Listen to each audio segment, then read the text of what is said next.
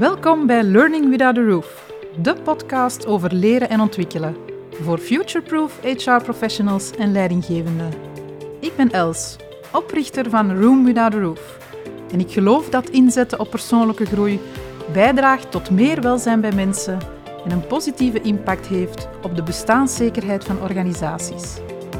In de podcast reik ik je een concreet stappenplan aan om binnen je organisatie te evolueren naar een vernieuwd HR-beleid en begeleiden we jou in je verdere professionalisering.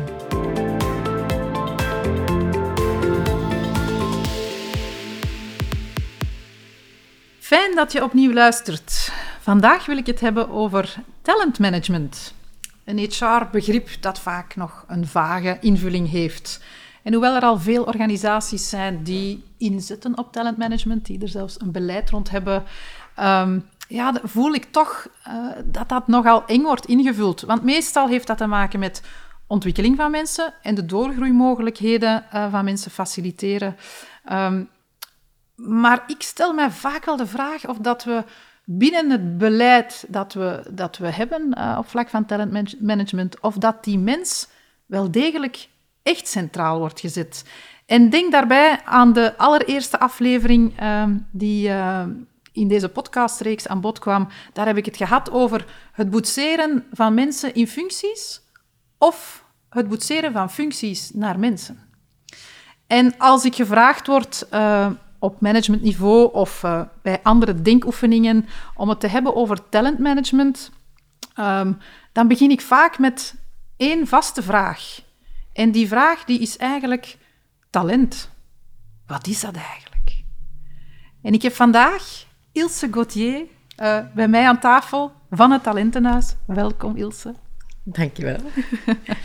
Naast het feit dat je collega bent, uh, je bent uh, ook co-founder van het Talentenhuis, mm -hmm. een van de business units van Room Without a Roof, ben jij ook vooral coach, talentencoach, zoals dat dan heet. Ja. Um, je bent ook trainer, hè, gespecialiseerd in alles wat met talentgericht, talentgedreven coachen te maken heeft. En je bent ook auteur van het boek Talentenontwikkeling coachen. We kennen elkaar al enkele jaren. Mm -hmm. dus ja, we, we, weten nooit meer hoe lang. Nee, we, we weten exact de datum niet meer. Nee, nee, nee. maar zo gaat dat als je... Hè, zo is dat, mijn verliefd koppel is dat eigenlijk ook zo. Hè. Wanneer was dat nu eigenlijk? Ja. Hè? Bij ons is dat ook zo. We weten niet meer hoe lang dat geleden is. In elk geval, hè, al enkele jaren. En uh, we hebben elkaar op een netwerkevent uh, ontmoet. En jij hebt mij daar ja, ik stond al met mijn jas aan om te vertrekken. Mm -hmm. En ik dacht, oh nee, nog, nog snel iemand nieuw leren kennen of niet. En het is een coach.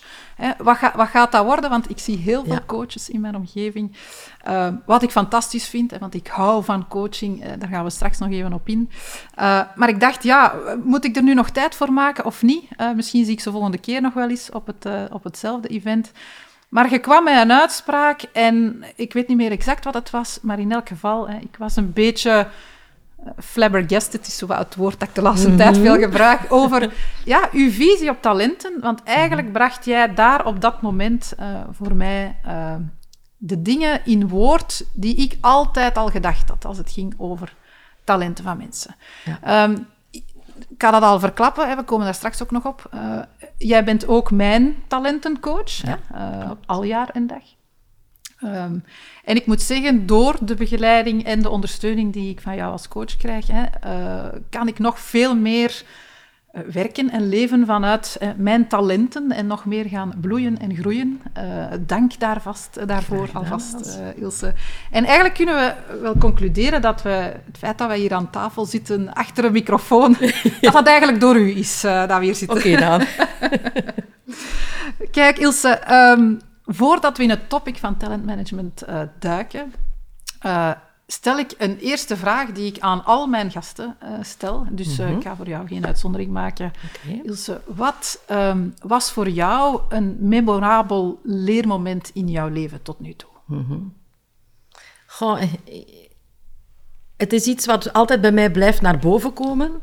Het moment waarop ik me realiseer dat... Um, ja, dat ik niet de dingen in mijn leven moet doen die ik alleen goed kan, maar dat ik ook keuzes moet maken, de dingen waar ik zelf blij van word. Mm -hmm. Dus ik had altijd het idee dat je um, ja, dat je datgene wat dat je doet, waar je goed in bent, dat je dat moet doen. En dan zei mijn moeder ook, en daar word je gelukkig van, en in die richting, daar moeten gaan zoeken.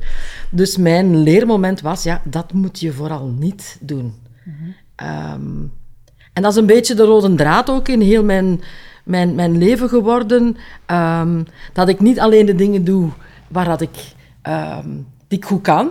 Hè, want ik, eh, om een voorbeeld te geven, vroeger het CLB werd ik getest, hè, het PMS was dat toen nog in de tijd, getest op mijn kunde, eh, om te zien welke richting eh, ik zou uitgaan.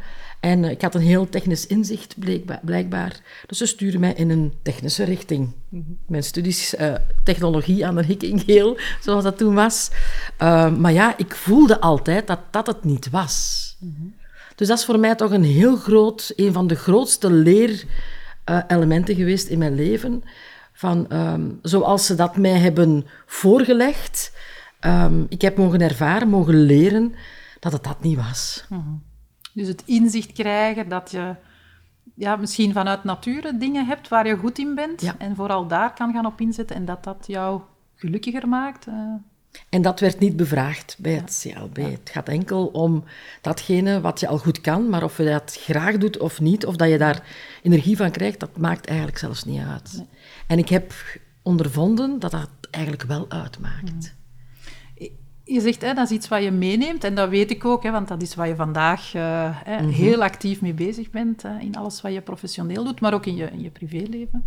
Ehm, maar eh, ja, denk je dat dat vandaag al anders is? Hè? Je, je zegt, ik ben daar een beetje ingeduwd, omdat dat vroeger wat de gewoonte was. hè? Zie je dat vandaag dat dat al anders is, of hoe kijk je daarnaar? Nee, en, en gisteren had ik nog met iemand een ontmoeting, ehm, ja, waar ik, ik, het blijft me verbazen hoe mensen dat nog niet hebben ontdekt, dat stukje.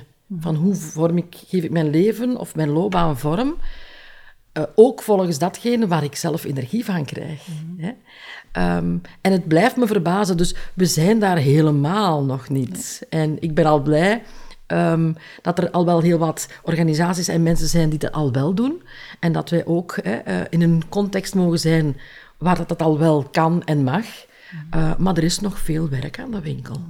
Eh, absoluut. Ja. Ja. Nu, dat, die kijk op talenten van mensen, ehm, we gaan er zo dadelijk op in. Wat is dat dan, dat talent? Hè? Eh, maar ik heb zo het gevoel dat dat in dezelfde stroming gaat als ehm, hoe we kijken naar in het algemeen ontwikkeling van mensen. Hè? We zijn onze mosterd gaan halen als het gaat over het opleiden van mensen. Ja, zijn we gaan halen in het onderwijs, maar sinds jaar en dag, hè, dat is al decennia lang, dat wij op eenzelfde manier mensen vormen of willen vormen of opleiden. Hè. Eh, en dat kijken naar, eh, ja, waar ben ik van nature goed in en die, die beweging maken, dat is iets wat we ook niet leren of weinig leren. Ik denk dat daar vandaag in het onderwijs al wel wat meer ruimte voor is. Eh, maar als je kijkt naar de generaties die vandaag al een tijd op de werkvloer zitten, ik, ik denk dat ze het nooit eh, aangereikt hebben gekregen of nooit geleerd hebben. En het is een beetje, je ziet dat bij de jongere generatie nu. Ehm, en de versnel, versnelling van de technologie en alles, hè, de ontwikkeling van de jeugd of de jongere generatie is al eigenlijk, ehm, hebben al een behoefte om hun loopbaan of hun werk of hun leven in te richten. En die zijn daar precies al wel wat mee mee. Alleen de systemen blijven een beetje achteraan hollen. En daar is inderdaad wel wat werk nodig om een context te creëren waarbinnen dat, dat kan. Dus als we zien het onderwijs, ja, ehm, daar wordt nog altijd gevraagd naar of afgetoetst, waar ben je goed in en die richting moet je uitgaan. Het is nog altijd eh, zo. Dus daar zit nog geen verandering in. En Els, het is zo, er is al wel wat verandering. En ik zie, naarmate dat je naar de, het secundair of de hogeschool nadert, is het al wel wat meer. Maar we mogen daar eigenlijk heel vroeg mee beginnen Ja. om het vandaar al ingebed te hebben in het onderwijs. Dus er is nog veel werk aan de winkel, ook op dat vlak. Dat is eh. goed. Dat is ja. goed voor jou, hè? Ja, ja, klopt. Zeg maar, ehm, ik heb hier- we hebben het al een paar keer gehad. Oké, het gaat over wat, wat zit er nog in mensen. Hè? Eh, een bepaalde benadering. Eh, Laat ons beginnen bij het begin. Hè? Talent. Dat, dat is zo'n woord. eh, wordt vandaag, hè, de laatste eh, periode binnen de HR-wereld zeker, ondertussen ook op hoger niveau of, of op maatschappelijk niveau, hè, Uh, we vinden geen talenten meer. Uh, talent acquisition gaan doen. Dat woord talent wordt in alle mogelijke vormen gebruikt. En, en ik denk dat mag ook zijn, zijn verschillende definities hebben. Maar als wij het hier vandaag over talent hebben, wat is dat voor jou? Mm Goh, talent. En we hebben ook op, op school of, hè, geleerd om bepaalde dingen waar je goed in bent, om daar dat via uit een begrip, maar zijn we daar misschien iets meer over. Maar als we het hebben over talent, dan gaat het bij mij altijd over datgene waar je van nature goed in bent. Mhm. Dus niet iets wat aangeleerd is. Dus ik maak heel vaak een onderscheid tussen talent enerzijds en competentie anderzijds. Een competentie noemen wij iets wat altijd is aangeleerd. Dus externen hebben jou geleerd hoe je dat moet doen. Bijvoorbeeld een machine bedienen. Maar als het gaat om talent, dat is iets wat je van nature kan. Daar is ook wel een context voor nodig opdat je dat kan inzetten of ontwikkelen. Maar dat is iets wat je al in je draagt van bij je geboorte. En heel het systeem, alle systemen zijn nog geënt puur op competentiemanagement. En er wordt al wel gezegd, wij zijn dan met talentmanagement bezig, maar dan hebben ze het in C over competenties en niet over talenten. Mhm. En dat is iets waar ik... Ik moet dat heel vaak, en ik ben blij dat ik dat hier ook vandaag nog eens mag uitleggen, maar ik moet dat heel vaak verklaren. Wat is nu het verschil? En daar zit nog een heel groot verschil in. Ook, het gaat niet bijvoorbeeld om een muzikaal talent of een sporttalent. Mhm. Het gaat veel dieper dan dat. Oké. Dat dieper dan dat, wat is dat dan? Want wat moet ik mij daarbij voorstellen? ik weet wat ik mij daar moet bij voorstellen, want mhm. ik ben uh, ook mee, allee, geen proefkonijn, maar één van de uh, mensen die jij begeleidt. Hè. Uh, maar, maar wat is dat dan? Hè? Talent is niet muziektalent, maar wat dan wel? Mm zoals we het op, op school geleerd hebben, we trekken alles door een trechter van een begrip. Dus bijvoorbeeld, ehm, iemand met een sociaal talent, zeggen we dan. Die sociaal, die heeft talent om in mensen te begeven. Maar we mogen een laagje dieper gaan. En dat sociaal zijn, wat is dat dan? Is dat dan bijvoorbeeld oog hebben voor achterblijvers? Mijn dochter had, heeft, hè, heeft dat talent. Mhm. En ik heb dat gezien als ze jong was.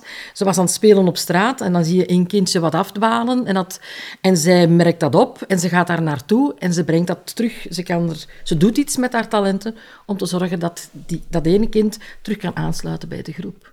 En dat is iets wat zij niet heeft aangeleerd. Hè. Um, waar wij ons een beetje in onderscheiden, wat wij heel belangrijk vinden, is dat we talent niet gaan benoemen aan de hand van een begrip of dan over achterblijvers, maar dat eigenlijk gaan doen tot op gedragsniveau.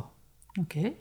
Dus dat wil eigenlijk zeggen alsof je het aan het doen bent. Dus het, een, een taak omschrijven, functieomschrijving, hè, hoe we het in de HR-wereld doen. Dus we gaan talenten benoemen of omschrijven tot op gedragsniveau. En dat is heel belangrijk. Waarom is dat belangrijk? Um, ja, als ik dat dan zou omschrijven van mijn dochter, je bent heel goed in het hè, um, andere achterblijvers of mensen die buiten de groep vallen, om die terug bij de groep te betrekken, dan zegt ze, kan ze zeggen, ah ja, dat doe ik. Oh, is dat een talent? Maar ik vind dat maar gewoon. Mhm. Dus weet dat talenten waar wij goed in zijn, wij vinden dat maar gewoon, maar voor iemand anders is dat heel bijzonder. Mhm. En inderdaad, waar wij ons onderscheiden, we vinden het heel belangrijk om dat talent te gaan omschrijven tot op gedragsniveau. En we hebben daar in de opleiding ons voor. Hè? Ehm, om te zorgen dat we daartoe komen en dat het goed omschreven is, het talent. Oh ja. Allerlei tools uh, haal je dan uit je rugzak. Uh, ja. Dat weet ik, dat heb ik al ervaren. Ja, en dan, allee, uh, ik zeg het, hè, ik, ben, uh, ik noem, mag dat geen proefkonijn noemen, maar hè, een van jouw coaches. Hè. je benoemt regelmatig talenten van mij, tot af en toe, hoe moet je dat zeggen, hè, dat je je ambetant gaat voelen. Want inderdaad, het lijkt alsof dat, dat ik, doe, ik doe dat maar gewoon. Hè. Je hebt het vaak over, ah, als wij een infomoment organiseren voor het talentenhuis, het onthalen van mensen, daar zijn vaardigheden die ik naar boven haal, waarvan dat ik niet besef dat ik die naar boven haal. Maar jij benoemt die dan altijd. En, en dat is, ik spreek even vanuit, vanuit eigen ervaring, um, om een beetje dat dat fluffiness er even af te halen. Ehm, want als het gaat over talenten, competenties, dan komen we terug in dat HR-wereldje en dan is de vraag, ja, maar wat is daar de meerwaarde van? Ik ben zelf een, iemand die niet zo houdt van dat fluffiness. Hè. En toch ben ik gevallen of helemaal uh, in de ban van het talentenverhaal. Omdat ik zelf dus, doordat jij dat zo vaak uh, benoemt en doordat ik daarin begeleid word, word ehm, ook gewoon ervaar wat het met mij doet ik ben blij dat je daartoe komt, want daar gaat het eigenlijk om. Eens dat je gevoeld hebt wat het met jou doet, mhm. als benoemd wordt waar jij goed in bent van nature, dan ga je voelen welke waarde dat heeft, hoe waardevol dat is. Mhm. En ehm, er is één mooi tekstje, ook in mijn boek, waar ze het hebben dan over, en het, in de, de Vandalen staat ook het woord talent omschreven eerst als goud en zilver, zo was het vroeger. Maar inderdaad, als ik spreek over talenten, dat is goud waard, dat is heel veel waard. Dat heeft een hele grote waarde. En als ik jouw talent dan benoem, hè, dat onthalen op een infomoment bijvoorbeeld, en wat je dan specifiek doet, dan ga je voelen, ah, dat is toch niet maar zoiets gewoon. Dat is toch wel heel bijzonder wat ik dan doe. Dan ga je ook het potentieel daarvan voelen. En daar gaat het eigenlijk om. Een talent hebben is prima, maar je moet het ook kunnen waarderen of kunnen inzetten. Ehm, als ik een talenteninterview afneem, dan krijgen ze van mij een A4'tje mee waar al die talenten op genoteerd staan. En dan reik ik dat over en dan zeg ik van, dat is van jou, jij mag dat van jou. En dan hou ik dat zo'n beetje tegen. Ik ben dan stout en dan zeg ik van, begrijp je wel hoe waardevol dat stukje is? Want dat is een hele verzameling aan goud, aan potentieel, waar heel veel mensen, jezelf ook, want je wordt er blij van, heel veel mensen gebruik van kunnen maken en kunnen op ingezet worden. Dus dat is een beetje hè, de, drempel, of, of dat je zegt van, die fluff, het is heel veel waard en je kan het inzetten, dus het is heel, ja, waarom zou een mens, een team, een bedrijf dat niet doen? In aanraking willen komen met zijn talenten. Ja. Is het voor iedereen makkelijk? Hè? Want ik hoor jou zeggen, je krijgt dan dat A4'tje, je moet er dan even aan trekken, dat je het echt mocht mhm. meenemen. Uh, uh, heb je de ervaring dat, dat iedereen daar dan ook effectief iets mee doet? Nadat ze bij jou een talenteninterview hebben gehad? Nee, er zijn er een paar voorwaarden aan verbonden. Ehm, dat is ook in mijn boek het eerste hoofdstuk. Hè. Wat hebben mensen nodig om hun talent te kunnen uh, herkennen, erkennen, maar ook kunnen ontwikkelen, kunnen inzetten op de werkvloer? Um, een van de voorbeelden is, hè, mensen moeten zich kwetsbaar kunnen opstellen. Als jij een presentatie doet, moet je, uh, moet je je kwetsbaar opstellen. Mhm. Je gaat voor een publiek staan, je kan daar ook op afgerekend worden, dus dat vraagt wel uit je comfortzone komen. Ehm, en er zijn toch wel heel wat ehm, voorwaarden aan verbonden. Voor mezelf persoonlijk. Um, ik heb ook mij moeten losmaken van de structuren die er zijn. mijn moeder zei mij ook, je moet, een, je moet datgene waar je goed in bent, dat moeten doen, dan word je gelukkig. Ik heb dat mogen loslaten. En dat is ook hetgeen in mijn praktijk waar ik heel hard op moet werken en in bedrijven wat we ook zien. Ehm, we moeten inzetten op coaching. Waarom? Om dat pad vrij te maken. Opdat je dat eigenlijk wel kan, jouw talenten inzetten. En dat is bij iedereen een beetje verschillend. Um, die hordes die ervoor staan, of de, de hordes die je te nemen hebt, om uiteindelijk, maar eens als ze daarover zijn, hè, eens gebeten door het talentenvirus noemen wij dat, dat laat je niet meer los en je wil ook niet meer terug naar een competentie gerichte loopbaan of leven. Dus er zijn wel wat voorwaarden aan verbonden. Ehm, maar eens ze daarover zijn en eens ze daar die horde hebben genomen, dan voelen ze hoe fijn het is. En een van uh, de vader van een vriendin van mij heeft het, het gevoel omschreven, de gelukzaligheid van het moeiteloos functioneren. Dat is nu heel fluffy misschien, ja, ja. maar ik kan zo voelt het soms wel als je ermee bezig bent. Um, ja, heeft het ook niets, alleen als ik, ik spreek echt vanuit eigen ervaring, hè, heeft het ook niet iets te maken met um, een bepaalde kijk op de dingen. Hè. Jij zegt van jezelf, hè, ik, ik ben moeten loskomen van een aantal overtuigingen of systemen die mij aangeleerd waren of waar ik in zat. Um, en dat is iets wat ik zelf ook, hè, zeker bij de opstart van Rumida de Roof, en dus nog alle dagen mee uitdragen, dat is heel goed altijd bewust keuzes maken. Hè. Uh, in vraag stellen met wat ben ik aan het doen? Uh, waarom doe ik dat? En waarom doe ik dat op die manier? Hè? Uh, dat zijn vragen die, die ik mezelf heel vaak stel, die ik ook faciliteer hè, in ons, in ons uh, teams.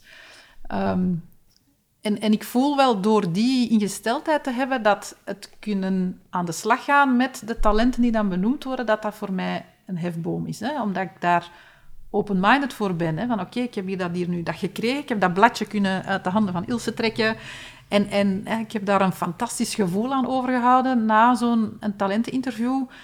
En, en daar dan ook weer diezelfde kritische bedenking. Van, wat ben ik aan het doen? Ik, ik lees hier dat waar ik mij fantastisch in herken. En ik kijk naar mijn huidige rol. En dan denk ik van, matcht dat eigenlijk wel? En kan ik nog meer die talenten gaan inzetten? Die vragen die stel ik mezelf. En dat maakt ja, ik, ik, kan die beweging maken om veel meer met die talenten aan de slag te gaan. Maar kan iedereen dat dan? Is daar die ingesteldheid, ziet dat bij iedereen?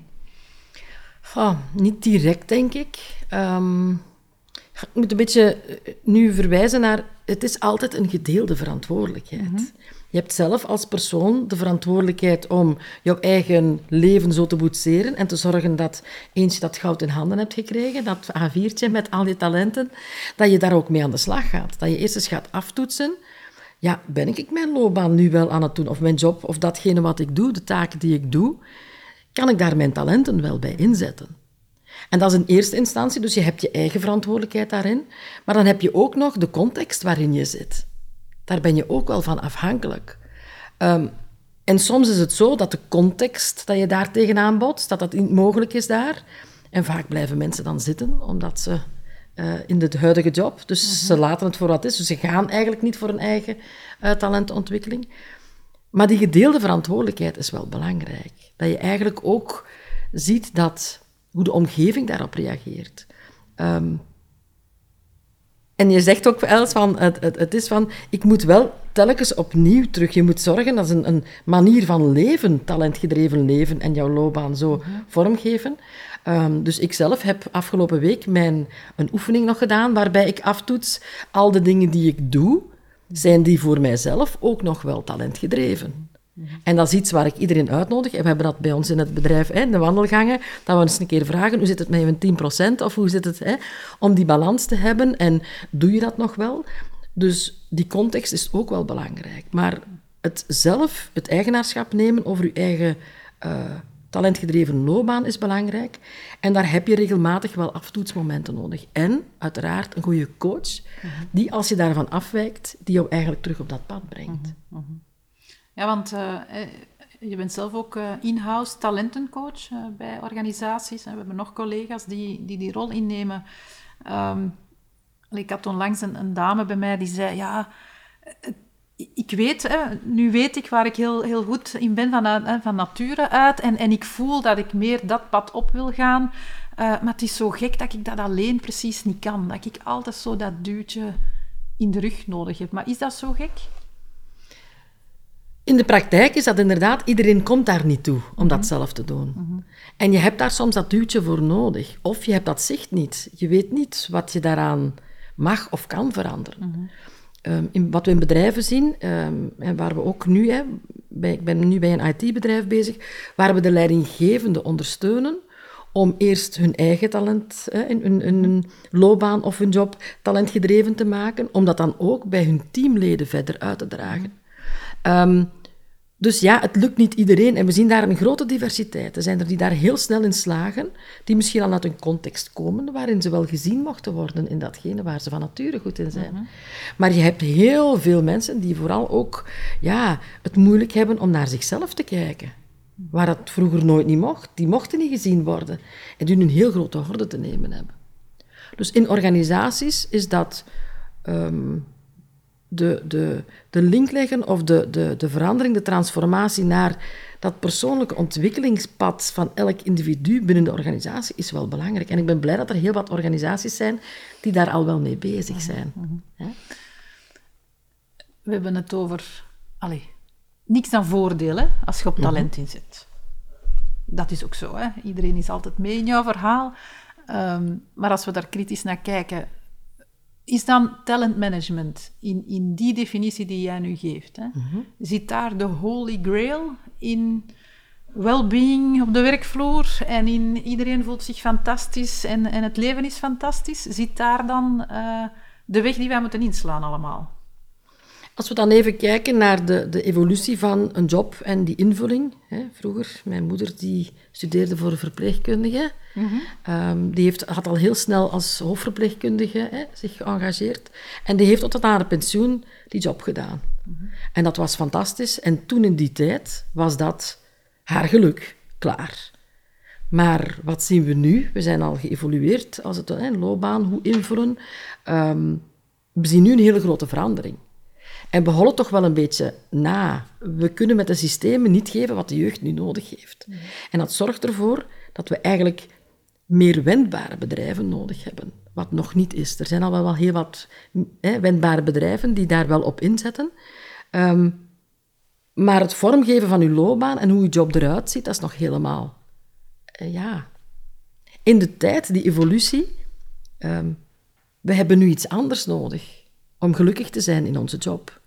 En vaak zeggen van, uh, heel wat bedrijven organiseren, goh, we zetten een pingpongtafel en we zorgen dat ze dit en dat allemaal hebben. Maar ik geloof, en ik zie het ook in mijn omgeving, dat dat, dat tijdelijke oplossingen kunnen zijn. Uh, ik heb ook wel graag, Els, misschien moeten we toch gaan doen een pingpongtafel, want ik speel graag ja, ja, tafeltennis.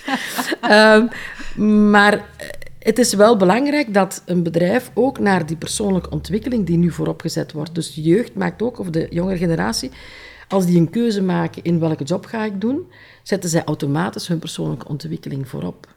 Maar we zitten nog met de oudere generatie. Er zijn verschillende generaties in, in de werkcontext. Ehm, en die oudere generatie eh, kan dat nog niet loslaten. Dus daar zit toch wel een hele grote moeilijkheid. Als ik met HR-verantwoordelijk of bedrijfsleider spreek, is dat toch wel één ook een grote horde voor de organisatie om talentmanagement te implementeren. Ja, in, in die vorm zoals we het nu Klopt. zeggen. Ja. Want dat wil zeggen dat je op de werkplek of vanuit je beleid nog altijd die combi maakt tussen competentiebenadering en dan de nieuwe talentenbenadering. Hè, om uh, jobs te kunnen uitvoeren. En, en natuurlijk ook hè, jou, om ervoor te zorgen dat jouw organisatie ook blijft draaien. Hè. Want we weten allemaal, er moeten ook gewoon dingen gebeuren zoals ze horen te gebeuren. Hè. Dus in die zin is het, het aanleren of het hebben van bepaalde competenties uh, wel een meerwaarde. Um, ja, en die angst, die zit er ook wel bij de bedrijven. Mhm. Mhm. Als we nu dat talentenontwikkeling ook gaan implementeren, gaan we dan niet overhellen naar een iets waar we de controle niet meer hebben, of waar we eigenlijk de persoon aan het, uh, ja, aan het zorgen zijn voor alle individuen binnen de organisatie, maar waardoor ons bedrijf eigenlijk een beetje ja, achteraan. Mhm. En dat mag niet gebeuren. Dus die angst is daar wel. En eigenlijk is dat wel een goede angst, om te zorgen dat binnen het bedrijf die balans wel heel goed blijft. Ja. Wat ik opgemerkt heb al de laatste tijd, is dat er uh, opvallender, meer dan, dan, dan vroeger, als ik terugkijk zo, uh, in het verleden, veel organisaties die dan wel zeggen, ja, die talenten en die talentenbenadering, zoals wij ze hier benoemen, hè, ze, ze willen daar wel mee aan de slag, maar dan komt er vaak die vraag, ja, maar hoe gaan we dat in kaart brengen? Hoe gaan we dat allemaal bijhouden? En ook daar voel ik zo het zoeken naar een balans, want ik vind dat, maar dat is mijn persoonlijke visie, waarom willen we dat allemaal gaan bijhouden? Want talent, hè, je noemt er straks, je kunt dat op een A4'tje kunnen wat, wat samenvatten, maar één A4'tje is niet genoeg. Hè? Mensen hebben heel veel talenten en afhankelijk van situaties of projecten of verantwoordelijkheden die ze krijgen, komen ze nog met nieuwe talenten die ze misschien nog niet ontdekt hadden van zichzelf, die anderen niet wisten dat ze die hadden. Uh, en dan denk ik, ja, is dat een must om dat allemaal in kaart te brengen? Um, en is dat ook niet zo wat het vasthouden aan het wat kunnen onder controle houden? Terwijl ik vind, maar onze organisatie is zo, dat is een fluctuerende context. Hè? Doordat we met die talenten veel meer aan de slag gaan en daarop inspelen, ja, hebben wij regelmatig verschuivingen, uh, fluctuaties in mhm. eh, het woord structuur, hè? Uh, om dat dan even te gebruiken.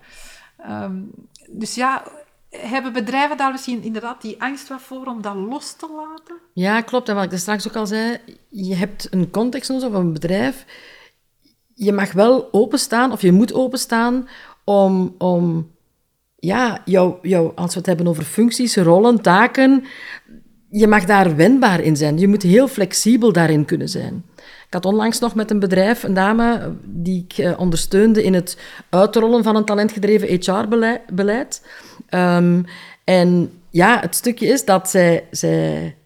We doen al wel veel, maar we weten niet, ja, hoe moeten we dat dan gaan, gaan, inzetten? Hoe moet ik dat dan gaan, gaan vormgeven?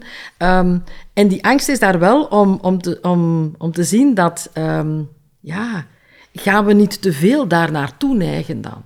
Mm -hmm. maar als ik zie al de oefeningen die, die ik al gedaan heb met heel wat bedrijven, ze doen al wel wat elementen.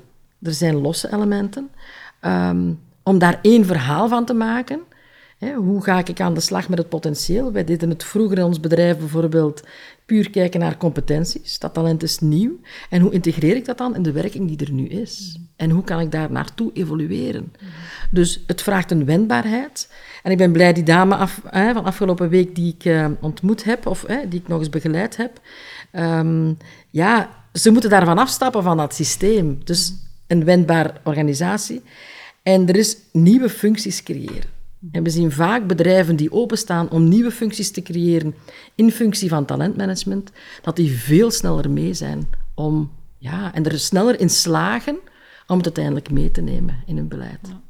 Het vraagt inderdaad een andere kijk, hè, een stukje, en dan loslaten van het systeem dat we gewoon zijn of dat we goed kennen.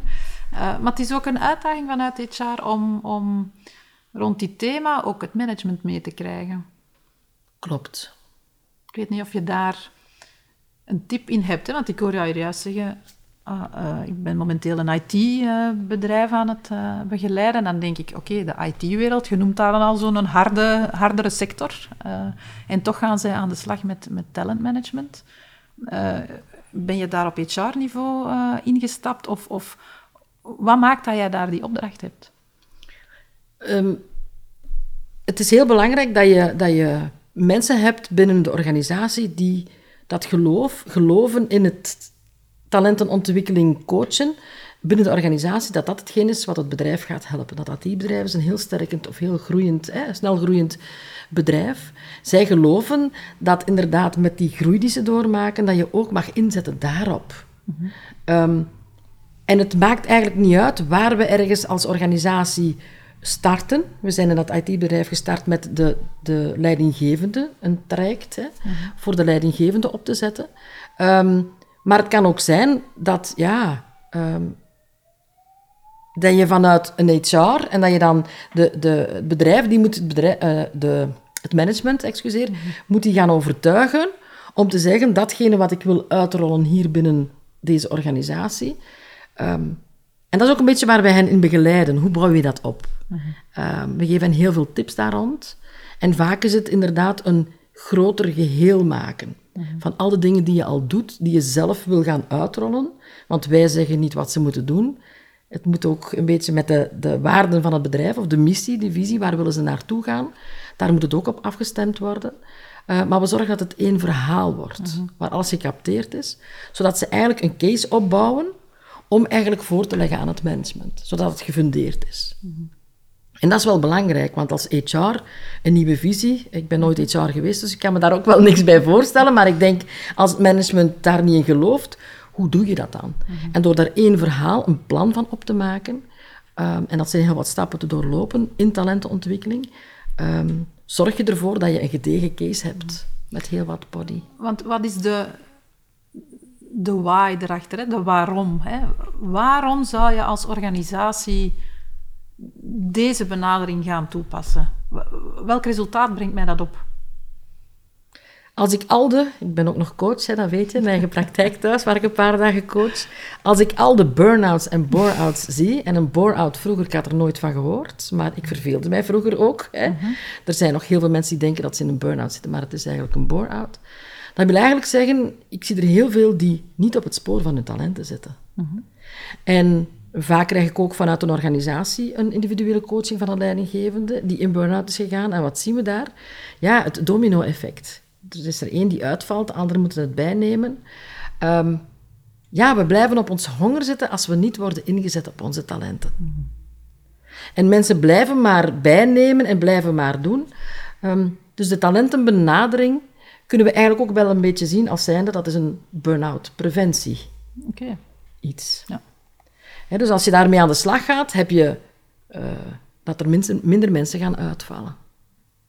Als ik binnen een bedrijf, en ik mag dat binnen mijn hoedanigheid, uh, mag ingezet worden op mijn uh, talenten, ja, dat gaat mijn intrinsieke motivatie aanwakkeren. Mm um, ik ga meer, ja, geneigd zijn om, om dat nog meer vorm te geven. Dus ik ga ook heel goed voor mezelf zorg dragen dat ik dat mag blijven doen.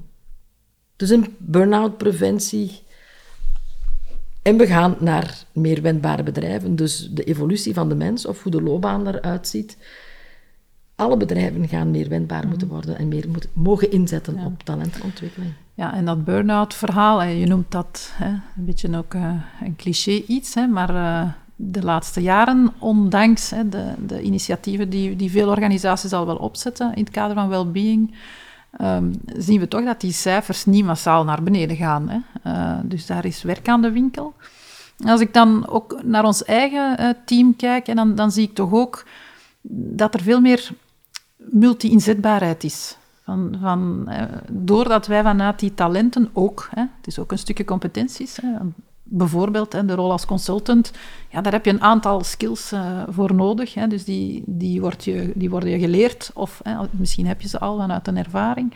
Maar um, die combinatie met talenten maakt dat mensen ja, meer inzetbaar uh, zijn en ja, dat zorgt weer voor een dynamiek. Uh, en zoals ik zei, hè, we hebben dan misschien een, een minder vast gestructureerde organisatie, veel fluctuerender, met verschillende rollen die oppoppen en plots niet meer bestaan. Uh, maar dat werkt op een of andere manier voor ons, uh, omdat we dat op een bepaald niveau ook gewoon loslaten. En altijd goed kijken van, ja, waar willen we naartoe? Zowel als organisatie, en we leggen daarnaast, waar willen onze mensen naartoe? Welke ambitie hebben zij? Um, dus ja, dat, dat vind ik dan zelf vanuit onze ervaring ook wel iets om mee te geven om, om daarop in te zetten. Um, we, hebben hier juist al gezegd um, dat je een rol als talentencoach hebt, binnen organisaties ook. Uh, maar stel nu dat je als organisatie zegt, oké, we zijn vertrokken, Ilse, je hebt ons overtuigd, we gaan meer inzetten op ook talenten van mensen, hè, meer die persoonlijke ontwikkeling aanspreken. Uh, dus we gaan uh, coaches aantrekken of een coach aantrekken om ons daarbij te helpen. Ja, wat typeert zo een goede talentencoach dan? Wat moet die kunnen? Wat doet die? Van de coaches in eerste instantie om te zorgen dat, zoals ik aan het begin van ons gesprek al zei, dat pad vrijmaken. Mhm. Het pad vrijmaken noem ik dat. Um, zorgen dat mensen in contact komen met hun talenten. Hè. Dus eerst dat pad vrijmaken hè, en een talentinterview. Ik heb er straks gezegd een, een A4'tje en dat staat dan vol. Maar er zijn er die moeite hebben om tot dat talent te komen. Dus die help ik dan in die coachgesprekken. Mm um, alles wat er nodig is om die talenten te ontwikkelen. Dus al de vier, de vier fasen van talentenontwikkeling is heel belangrijk. Hoe ga ik zelf een context kunnen creëren en dan ga je op dat zelf-eigenaarschap, de verantwoordelijkheid zelf, eh, aanbakkeren. Hoe kan ik binnen mijn, mijn job, mijn organisatie, mijn team, uh, mijn talenten ontwikkelen? Dus daar gaan we mee aan de slag. Dan gaan we eigenlijk ook kijken, wat zijn hun talenten? Hoe ga je die kunnen inzetten? En we zijn heel actiegericht. Okay. Dat wil zeggen, we willen echt, en een coach, en ik moet vaak ook uh, het verschil uitleggen tussen een coach en een psycholoog, die, dat, die doet dat toch ook, maar... Mhm. Wij gaan echt tot op gedragsniveau begeleiden. En we gaan ook achteraf gaan evalueren. Okay. Is dat gelukt, dat talent inzetten daar in die context? En wat ging daar goed en wat ging er niet goed? En hoe zit er daarmee omgegaan? En wat kan je nog doen om, daar, om te zorgen de volgende keer? Mhm. Of wat heb je dan nog nodig om te zorgen dat dat wel voor jou gaat werken? Mhm. Of vaak is het een talent in die context, past niet. Klaar, mhm. gebeurt ook. Dus een coach in een organisatie zorgt dat je op individueel niveau die persoon begeleidt. Er zijn ook heel wat, en dat hangt een beetje vanaf welke organisatie en wat ze willen realiseren. Um, het kan ook zijn dat we op teamniveau starten, om daarmee aan de slag te gaan. Hoe ga je talenten benoemen van elkaar? Hoe ga je erover communiceren? Een veilige context creëren binnen dat team. Maar je hebt dan natuurlijk het derde luik ook, de organisatie ondersteunen. Wat heb je te doen als organisatie, opdat op teamniveau en individueel niveau dat kan gebeuren? Mm dus voor een talentencoach is er eigenlijk veel werk in een organisatie. Vandaar ook dat dat een, een in-house of een langdurig traject is om die organisatie te begeleiden, om uiteindelijk te komen tot een talentgedreven organisatiecultuur. Oké. Okay. Maar je zegt het is een lang traject. Hè? Dat is natuurlijk een soort change waar je doorgaat. Dus in die zin, hè, verandering hebben we niet van vandaag op morgen. Maar uh, dat mag ons niet afschrikken, denk ik. Hè? Dat dat een lang traject is. Zijn er quick wins die je zo kan meegeven. Uh, stel dat we als HR-verantwoordelijk of je bent leidinggevende en je wil met de talenten van je mensen aan de slag. Is er zoiets, een aantal tips die je, die je kan, kan delen? Van, doe het dan nu eens. Komt dan een talentinterview van jezelf afnemen, zou ik zeggen. Ja, daar begint het. En daar begint het. Hè. ik heb dat artikel ook dat ik ooit geschreven heb van het is een, een, een talentenontwikkeling, kent een viraal karakter. Mhm. Dus één keer dat je daar mee aangestoken bent, dan, dan, dan ga je dat ook uiteinden of dat gaat zich verder verspreiden. Maar begin altijd bij jezelf. In de coachopleiding, talentgedreven coaching die ik geef, zeg ik ook altijd, practice what you preach. Mhm. Begin bij jezelf. Mhm. Ehm, en ga je eigen loopbaan talentgedreven vormgeven. En dan ga je vanzelf voelen wat er nodig is binnen de organisatie. Dus de HR-verantwoordelijke, van harte welkom voor een talentinterview van een van onze coaches, zou ik zeggen. Dat is één, maar het kan ook een denkoefening zijn. Mhm. wat, wat, wat, wat zijn jullie aan het doen om het potentieel wat van nature aanwezig is in jullie mensen, daarmee aan de slag te gaan? Mhm. Dus die denkoefening is eigenlijk wel een van de... je kan het individueel doen, maar ik denk een denkoefening samen doen ehm, om te gaan kijken van wat doe je al en wat is er nodig, dat dat al een hele, een hele mooie eerste stap mhm. kan zijn. Toffe tips. Ik zie hier ook nog iets liggen op uh, de tafel dat je hebt meegebracht. Uh, misschien is dat fijn om nog eens aan te reiken aan uh, de luisteraars. wat is dat? Wat heb je bij? Waarvoor dient dat? Um, ja, het boek, hè? Talentenontwikkeling coachen. En ik, het staat er ook in in het boek. En ik mag het in de podcast hier ook wel zeggen, denk ik. Ja, het is omdat jij zei van al hetgeen wat je, waar je in gelooft, wat je uitdraagt, zou jammer zijn als anderen daar niet, hè, dat je dat voor jezelf houdt. Hè? Mhm, dus, mhm. zo had je het genoemd, dat je egoïstisch bent, dat je niet voor jezelf houden, je moet dat in een boek omschrijven. En dat heeft mij ook aangezet om het te doen, dus er is een boek over, talentontwikkeling coachen. Het is niet enkel voor leidinggevenden, er zijn ook heel wat individuen die zeggen van ik wil wel eens weten hoe doe ik dat aan mijn eigen loopbaan vormgeven. Mm Maar het boek wordt ook ingezet in organisaties. De leidinggevende, het is voor hen een leidraad ook. Mhm. En naast het boek hebben we natuurlijk ook de kaartenset. Um, en die helpt vooral, want we, we zien bij, bij leidinggevenden van, ja, hoe doe ik dat dan? En met een tool is het makkelijker om in gesprek te gaan met uw medewerkers. Mhm. Dus we hebben een kaartenset met heel wat vragen per, per fase van de talentontwikkeling, die ze kunnen inzetten individueel in hun groeigesprekken die ze doen met de medewerkers, maar ook in de organisatie. In scholen wordt het in de leraarskamer gelegd en af en toe gaan ze, als ze goesting hebben, een kaartje trekken en babbelen ze er eens over met een collega. Mhm. Dus dat is een tools, en er zijn nog wel enkele tools, um, om dat talentontwikkeling, om dat, die ontwikkeling daarin beter te kunnen faciliteren. Ja. Want ik heb zelf ook uh, de kaartensetten die ik gebruik als, als ik uh, workshops faciliteer. Hè ongeacht het thema, gebruik ik ze al wel eens ter introductie. Ehm, zelfs mensen die zeggen, de talentenbenadering zoals we hier omschrijven, hè, nog nooit van gehoord, of, of uh, oei, daar zijn ze met hun fluffy verhaal. Mm dat, ik zie toch dat van zodra dat je gewoon hè, de vraag leest die op de kaart staat, dat mensen er over in gesprek gaan. En dat is in feite toch de eerste stap uh, die, die kan gezet worden. En ik moet altijd tot uh, allez, vervelens toe dan zeggen... Uh, mannetjes, we ronden nu de introductieoefening af, want iedereen wil dan altijd blijven verder praten. Uh, dus ja, een laagdrempelig iets om mee aan de slag te gaan, denk ik. Ja. Oké. Okay. Ilse, als, we, als je een glazen bol zou hebben... Ik weet niet, misschien heb je dat wel. als je een glazen bol zou hebben... Mm -hmm hoe zie jij dat evolueren, zo, hoe, hoe wij omgaan met, met mensen en met de ontwikkeling van mensen? Een glazen bol heb ik niet zozeer, maar ik geloof wel dat we mogen ehm, zorgen dat mensen ook ingezet worden op hun eigen van nature potentieel. Mhm. En dat is eigenlijk het, ja, en dat is nu heel fluffy misschien, het levensgeluk ligt daar eigenlijk wel. um, Maar ik denk als we allemaal, elk individu, elk team en elke organisatie meewerkt aan het anders gaan kijken naar mensen. Daar begint het eigenlijk vaak. En misschien nog even een zijsprongetje maken. In een opleiding die ik gaf bij Thomas Moor rond talentgedreven hè, aan schooldirecties, was er een man die dag twee zei van, ik heb mijn huiswerk niet gemaakt, vond ik ook niet erg, maar hij zei, ik ben anders gaan kijken naar mijn mensen. Mhm. Niet enkel wat ze niet goed kunnen, want dat komt vanuit het onderwijs. Als je een 7 op 10 hebt, die 7 is goed, maar wat kun je nog om een 8 of een 9 van te maken? Hij zei, ik ben anders gaan kijken naar mijn mensen. waardoor zijn deur open staat. En dat is voor mij het belangrijkste ervan. Dat je eigenlijk, in een van de hogere doelen voor mijzelf, kijk anders naar je mensen. Kijk naar datgene waar ze van nature goed in zijn. En niet enkel wat ze geleerd hebben. En daar ligt de waarde. Daar ligt de waarde van uw cultuur, de waarde van uw organisatie. Ja. Potentieel, hè? Ja. Dat we vaak niks of zo weinig mee doen, hè? Wat nog... Allee, de vaardigheden of, of ja, de talenten, de sterktes die mensen in zich hebben, uh, die ze dan al dan niet in andere, andere contexten wel inzetten, uh, daar doen we zo weinig nog mee uh, in organisaties, vind ik ook.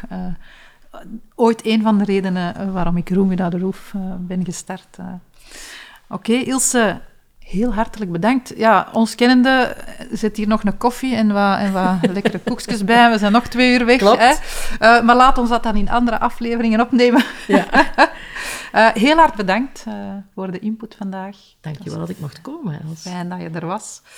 Wie getriggerd is rond alles wat met talenten te maken heeft, um, ja, die kan zich uiteraard verdiepen daarin aan de hand van het boek dat heb je gezegd. Er zijn ook de, de talenten, eh, de coachkaarten, de coachvragen die daarbij horen. Eh, het boek eh, is via de uitgeverij te koop van die keuren. we zullen ook daar van die informatie ook alle ehm, nodige gegevens op de show notes zetten. Of via onze kanalen kan je daar zeker alle info van vinden. Uh, de website van het Talentenhuis, hettalentenhuis.be. Daar zie je ook nog eens alles samengevat. Ja, uh, het is benoemd, hè, Ilse. Je, je, geeft opleidingen, je coacht. Uh, allez, noem maar op. Hè, uh, al die dienstverleningen. Of de, de vorm waarin dat we meer kunnen te weten komen over talenten. Dat vind je op onze website. Bedankt om te luisteren. Hopelijk kon ook deze aflevering jou opnieuw inspireren. Op leren en ontwikkelen hoort geen dak te liggen. Ik hoor graag hoe jij het dak eraf haalt door meer in te zetten op je persoonlijke talenten en op die van anderen. Laat zeker jouw reactie achter, jouw ervaringen achter via onze LinkedIn of Instagram kanalen. Tot volgende keer. Dank u.